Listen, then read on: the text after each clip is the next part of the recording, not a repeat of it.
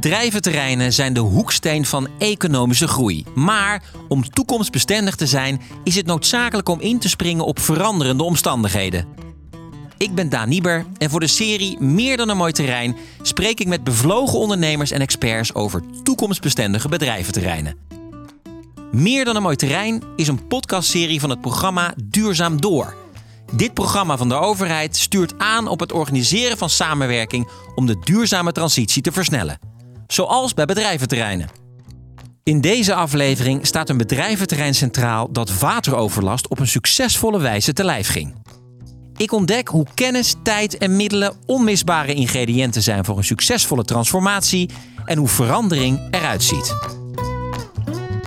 Ik ben eh, afgereisd eh, naar het hoge noorden, naar, eh, naar Groningen om precies te zijn. Ik sta op het bedrijfsterrein, ik moet het eventjes goed uitspreken, Euvelgunnen. Dat klinkt wel heel erg Gronings. Ik heb afgesproken met Ramon Hoiting van Donkergroen. Ja, donkergroen, nou op zich, het, het bedrijfspand zelf is al behoorlijk groen. Ik zie hier een prachtige geveltuin. Dag Ramon, hi. Weer aangenaam. Dag, goedemiddag. Goedemiddag. Zeg Ramon, uh, donkergroen, eerst even, wat voor bedrijf is dat? Donkergroen is een, uh, een, uh, een, groot hoveniersbedrijf. We zijn een landelijke speler in de markt. En er was dus een, een euvel een aantal jaar geleden, namelijk met wateroverlast, regenwater. Klopt inderdaad, ja. Dat is al een aantal jaren dat uh, het bedrijventerrein te maken heeft met, uh, met veel wateroverlast. Met name op, uh, nou, in de zomer grote piekbuien. Als die dan vallen, dan, ja, dan kan het water zijn weg niet kwijt. Want hoe ziet het er dan hieruit als het heel erg hard regent? Nou, op zich valt het op ons terrein wel mee. Maar het is met name een paar gebieden, een paar honderd meter verderop. Daar lopen echt de wegen dan onder water. Er zijn er bedrijven die soms ook wel eens natte voeten hebben. En ja, dat zorgt gewoon vaak voor veel overlast. En daar stond met name de gemeente voor een groot dilemma. Van wat gaan we dan doen? gaan we grotere rioolbuizen uh, plaatsen. Hè? Dus gaan we echt uh, kijken of we, of we uh, naar een betere, grotere afvoer gaan. Of gaan we naar andere oplossingen kijken. En destijds heeft de gemeente heeft een, een idee bedacht om eigenlijk een deel van het budget. Hè, want rioolrenovatie liep echt in de miljoenen, tussen de 8 en de 10 miljoen euro. En ze hebben eigenlijk gezegd van nou we gaan rond de 2 miljoen euro aan subsidie beschikbaar stellen. En juist kijken naar de bronaanpak hoe kunnen we ervoor zorgen dat er minder regen door dat riool stroomt? Want het is ook nog wel veelal schoon water, hè, dat regenwater. Uh, dus zodoende hebben ze gedacht van we gaan er een projectgroep voor opzetten. En we zoeken daar een aantal geschikte partners voorbij. En wij hebben daar als partner, hebben wij daarin aangesloten, met name in de ontwerp- en de advieswerkzaamheden. Jullie als donkergroen of, of jullie als bedrijventerrein? Nee, wij als donkergroen hebben echt aangesloten. Hè. We hebben goede landschapsontwerpers in dienst. We hebben goede vakbekwame jongens in dienst die goede groene innovaties kunnen bedenken. En die eigenlijk heel slimme, slimme oplossingen bedenken om goed met regenwater om te gaan, zodat het niet het riool instroomt. Op het moment dat de gemeente zegt we willen het bij de bron aanpakken en willen dat eigenlijk met de partijen uh, samen doen uh, die daarbij betrokken moeten zijn. Hoe doe je dat dan op zo'n bedrijventerrein? Wat toch een beetje een soort van lappendeken aan allerlei verschillende partijtjes is. Ja, klopt. En, en veel bedrijven uh, zien het toch vaak als een probleem van de gemeente. Hè, als, als, als de riolering niet, niet doet wat het moet doen. Dus de gemeente heeft eigenlijk heel slim gezegd van nou, we gaan daar een, een, een afkoppelcoach gaan we daarvoor gebruiken. Een afkoppelcoach? Ja, een afkoppelcoach, ja. Dat is alweer een prachtig term. Daar zijn ze wel altijd goed in hè, bij de overheid, zijn, dit soort termen. Daar zijn ze heel goed in. Maar ik moet ook zeggen dat ik wel blij ben dat, dat ze het op die manier wel uh, met zo'n project goed, goed hebben opgepakt. Want, Want wat is een afkoppelcoach en waar werkt die dan voor? Nou, de, de afkoppelcoach werkt dan uiteindelijk wel namens de gemeente. Uh, uh, maar die gaat de bedrijven bij langs om ze te inspireren. Om ze aan te geven van wat, wat, wat voor problemen lopen wij tegenaan. wat zijn onze plannen en ambities. En willen jullie meedoen? En zodoende zijn er nou ja, in verschillende tranches zijn er bedrijven geenthousiasmeerd om hun eigen dak hun eigen loods eigenlijk af te koppelen van het, van het rioolwater. En nou, toen kwamen wij aan bod. Toen hebben wij eigenlijk gekeken met de bedrijven naar slimme, innovatieve ideeën. Om uiteindelijk dat, dat regenwater op hun eigen terrein op een slimme manier te bergen. Dan wel tijdelijk, dan wel misschien voor een langere periode. En daar zijn verschillende maatregelen uitgekomen. Eigenlijk zeg je dus ook, als je wil dat je bedrijventerrein klimaatbestendig wordt, dan moet je ervoor zorgen dat die bedrijven op dat bedrijventerrein ook uh, leren wat er kan en wat er nodig is om te kunnen veranderen. In Nederland zijn er verschillende organisaties die bedrijventerreinen helpen te veranderen.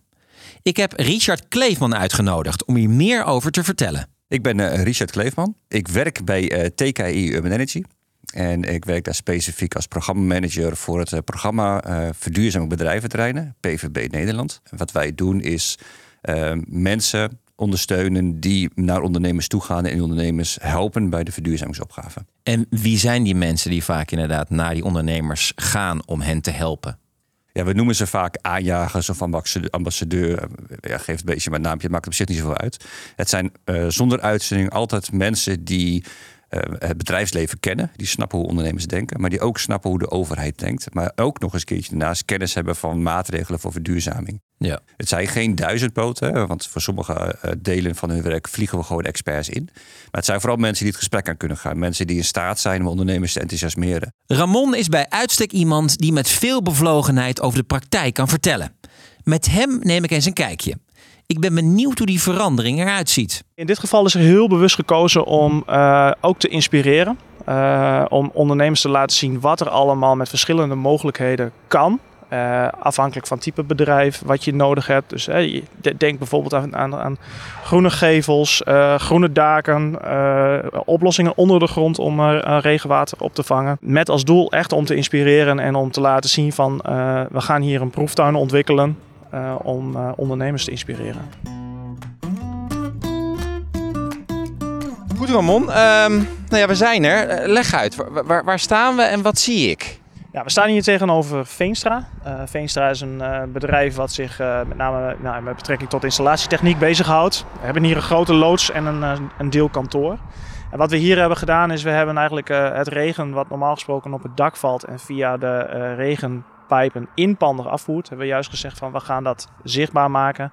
En we gaan aan de buitenkant gaan we uh, middels regenpijpen laten zien hoe het water nou ja, via het dak naar beneden stroomt. Ik zie het inderdaad, want het, het is, het is een, een op zich vrij normale uh, gevel van een, een standaard bedrijfsstand. Maar ja, er lopen flinke uh, regenpijpen naar beneden. En, en ik zie, even kijken, 1, 2, 3, 4, 5 en nog een paar kleine, ja, enorme grote ja, buizen, alleen dan verticaal als een soort plantenbakken in de grond staan. Ja, klopt inderdaad. Uh, waar je normaal gesproken riolering uh, verticaal onder de grond legt om uh, water doorheen te laten stromen of vuil. hebben we hier ervoor gekozen om de, om de rioleringsbuizen juist verticaal de grond in te zetten. En ze eigenlijk te gebruiken als grote bufferbakken om regenwater op te vangen. En dat zijn nou ja, in verschillende trappen naar beneden lopen die bakken langzaam één voor één vol. dus de hoogste die stroomt als eerste vol, daarna de opvolgende. En zo gaat het met een klein uh, watervalletje eigenlijk van bak naar bak naar beneden. En daarmee genereren we voor een piekbui die één keer per tien jaar voorkomt, voldoende opslagcapaciteit om het water hiervoor te kunnen opvangen. Ja, en het ziet er op zich ook eh, heel erg leuk en speels uit. En als ik het goed begrijp, wordt er dus een soort klein er worden kleine watervalletjes als het heel erg hard regent. Ja, ja het, is een ontzettend leuk beeld. En ik denk dat je hier juist ook kan laten zien wat de win-win is. Want je lost hier enerzijds een probleem op uh, door het water uh, op je eigen terrein te laten infiltreren. Uh, ik, ja, dit is een van de voorbeelden dat je ook een prachtige bedrijfstuin hebt. Want het heeft heel veel sierwaarde. Groen draagt bij aan een stukje extra biodiversiteit. Dus je ziet hier ook gewoon meer insecten en dergelijke zie je, zie je rondom het terrein. En uh, ja, weet je, uiteindelijk zorgt dit gewoon voor een mooie groener, uh, groener bedrijventerrein. Dus daar word je gelukkig van. Ik vind het op zich ook wel leuk dat je die, uh, die buizen, die, die regenwaterbuizen aan de buitenkant ziet lopen. Het is een beetje Centre Pompidou in Parijs. Met die hele grote buizen aan de buitenkant. Het heeft ook wel best iets kunstzinnigs, vind ik. Ja, dit is een hele leuke, inspirerende locatie. En ja, we kunnen hier de, de, nou, de mensen die hier in hun pauze hun rondje lopen, kunnen we heel mooi laten zien wat hier gebeurt. Ja. En uh, ja, daarmee hopen we juist ook uh, de, de, ondernemers uh, te prikkelen om ook zelf zoiets te doen. Verandering komt niet zomaar tot stand. Wat daarvoor nodig is, dat vertelt Richard.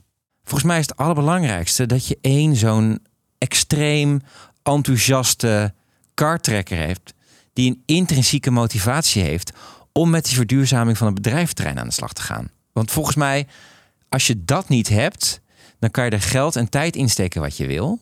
En dan kan je het, het hele wettelijke kader kan je aanpassen en noem maar op. Maar ja, dan gaat het volgens mij niet lukken. Nee, dus veranderen begint met willen veranderen. Ja. En dat gaat niet zomaar. Nou, weet je, dat is, ik ben het helemaal met je eens hoor. Een van de dingen die wij zelf al geleerd hebben is dat um, veranderen gaat niet vanzelf. Er is iets voor nodig. En uh, dat voor nodig, dat kan van alles zijn. Dat kan op een bedrijventerrein, bij ondernemers kan het zijn dat ze heel veel te maken hebben met criminaliteit. Ja, of met leegstand uh, of met wateroverlast. En dat je daar met elkaar het gesprek over aangaat. En dat je laat zien dat als je um, op je eigen niveau als bedrijf, als ondernemer aan de gang gaat, uh, dat je dat wateroverlast voor jou als persoon kunt oplossen. Ja. Maar dat daarmee voor je buren het niet opgelost is, of sterker nog het probleem vergroot is. Uh, dus, um, en dat onder de aandacht brengen van een probleem, daar moet je iemand voor hebben die in staat is om het gesprek te voeren. Ja. En dat gesprek voeren is niet alleen maar het technische deel, maar juist het inspirerende deel juist het met elkaar in gesprek gaan, de ander inspireren, laten zien en vertellen welke voor, voordelen, maar ook welke voorbeelden er zijn. Uh, het wat makkelijker maken. Ja. Um, het is niet overtuigen, hè, want overtuigen werkt heel vaak niet. Het is vooral laten zien, laten ervaren, liefst. Dus wat, wat, in, wat je meegemaakt hebt in, uh, in Groningen, dat is een voorbeeld van ervaren. Een enthousiasme ja. persoon die jou laat ervaren wat veranderen kan betekenen. En veranderen in dit geval gaat over vergroening, gaat over klimaatadaptatie, maar ook wel verder dan alleen maar dat. Dus uh, um, veranderen is het in mensen zelf. Dat is niet iets wat je op kunt leggen. Dat moeten mensen zelf doen. Um, maar het begint wel dat mensen inzicht krijgen. Dat ze kennis krijgen. Dat het bewustzijn vergroot wordt. En dat klinkt een beetje zweverig. Ja, hoe doe je dat praktisch gezien? Laten zien. En uiteraard, hè, als je een directie van een, een, grotere onderneming wil overtuigen, moet je echt wel met cijfers komen. Ja. En dan moet je laten zien dat het in ieder geval niet te veel kost. Ja. En dat is wel best wel essentieel. Het mag toch niet ten koste gaan van het bedrijf in de zin dat het bedrijf failliet gaat.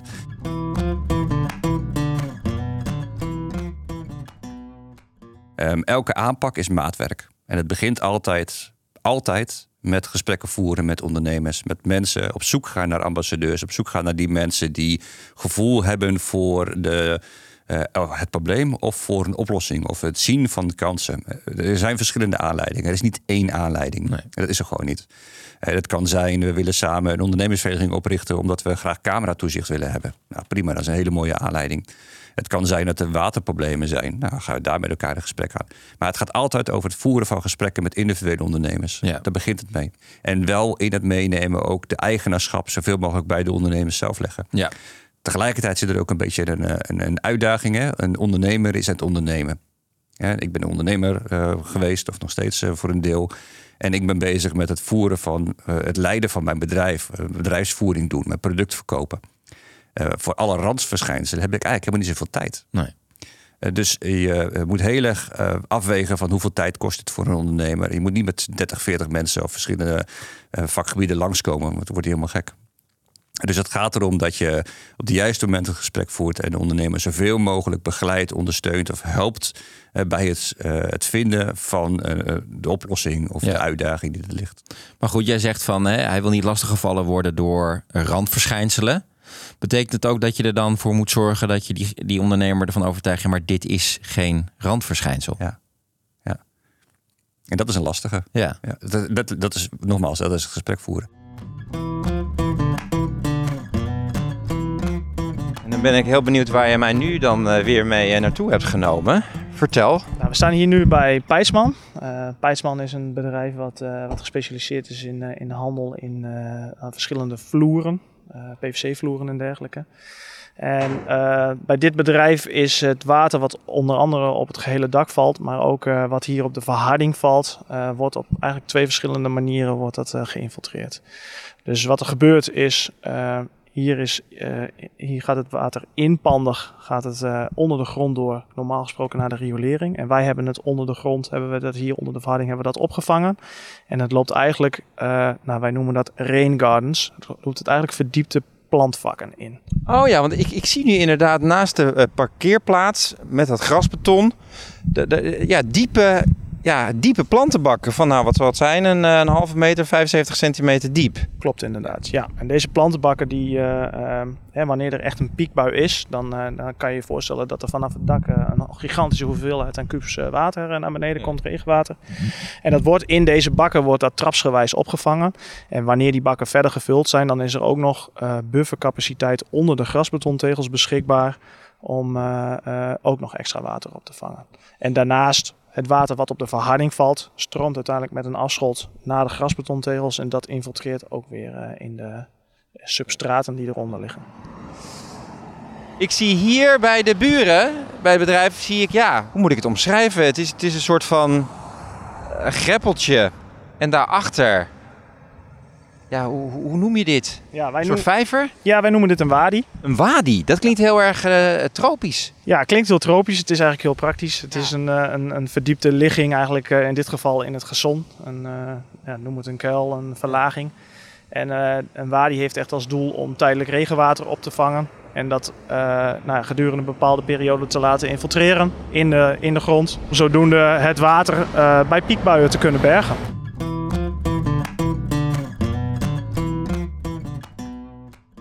Ja, Ramon, we staan hier eh, nu bij eh, ja, een put. Dit is, eh, moet ik zeggen, van de voorbeelden die je tot nu toe hebt laten zien.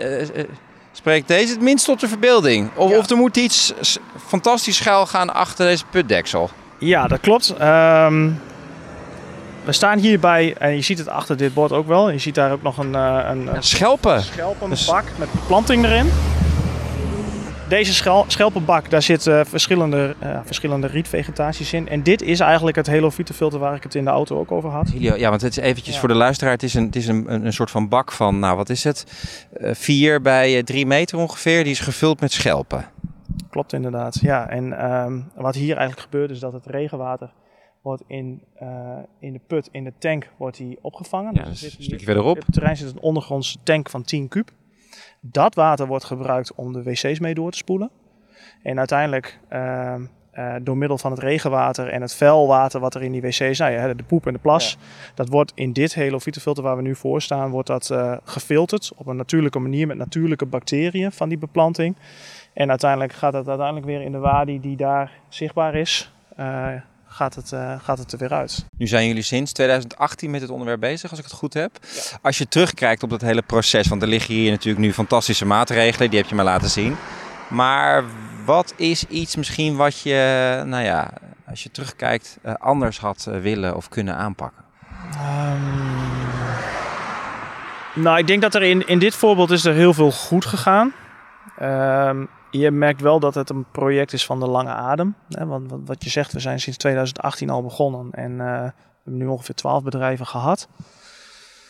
Ehm, uiteindelijk zal er, hè, als we nou, ja, de noodzaak is urgenter dan het tempo waarin we nu versnellen. Dus er, zul, er, zal, er zullen oplossingen moeten worden ver- verzonnen om, om te gaan versnellen. En dat betekent ook meer tijd, ook meer geld en ook meer educatie. Dus die drie factoren die zijn wel in een versneld tempo nodig om, eh, om te gaan veranderen op bedrijventerreinen.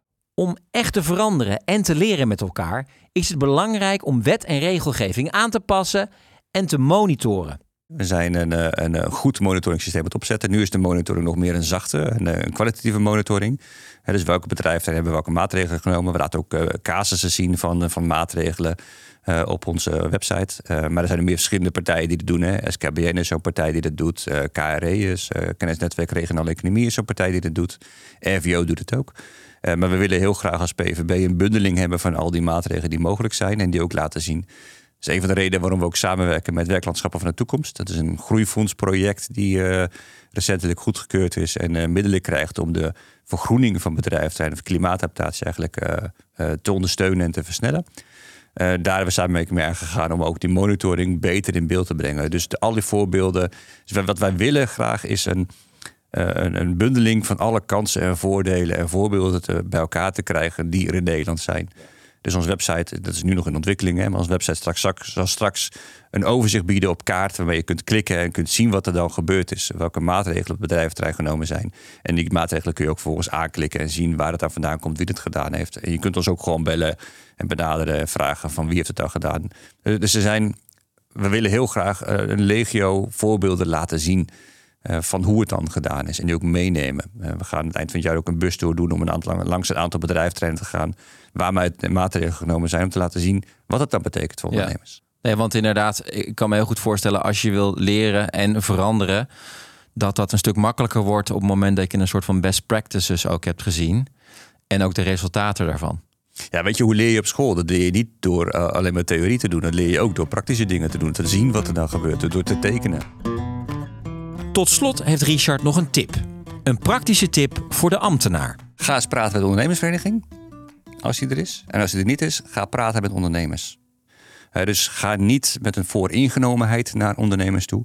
Maar ga naar ondernemers toe omdat je wil weten wie ze zijn en hoe ze functioneren en wat ze nodig hebben. Dus open een gesprek voeren. Niet met een boodschap komen, maar met interesse komen. Werken aan vertrouwen, werken aan een relatie betekent niet dat je gelijk zegt van ja, maar ik wil dat jij dit gaat doen. Of ik zie dat hier gebeurt, dit wil ik veranderd hebben. Het begint met de houding dat je wil weten wie de ander is.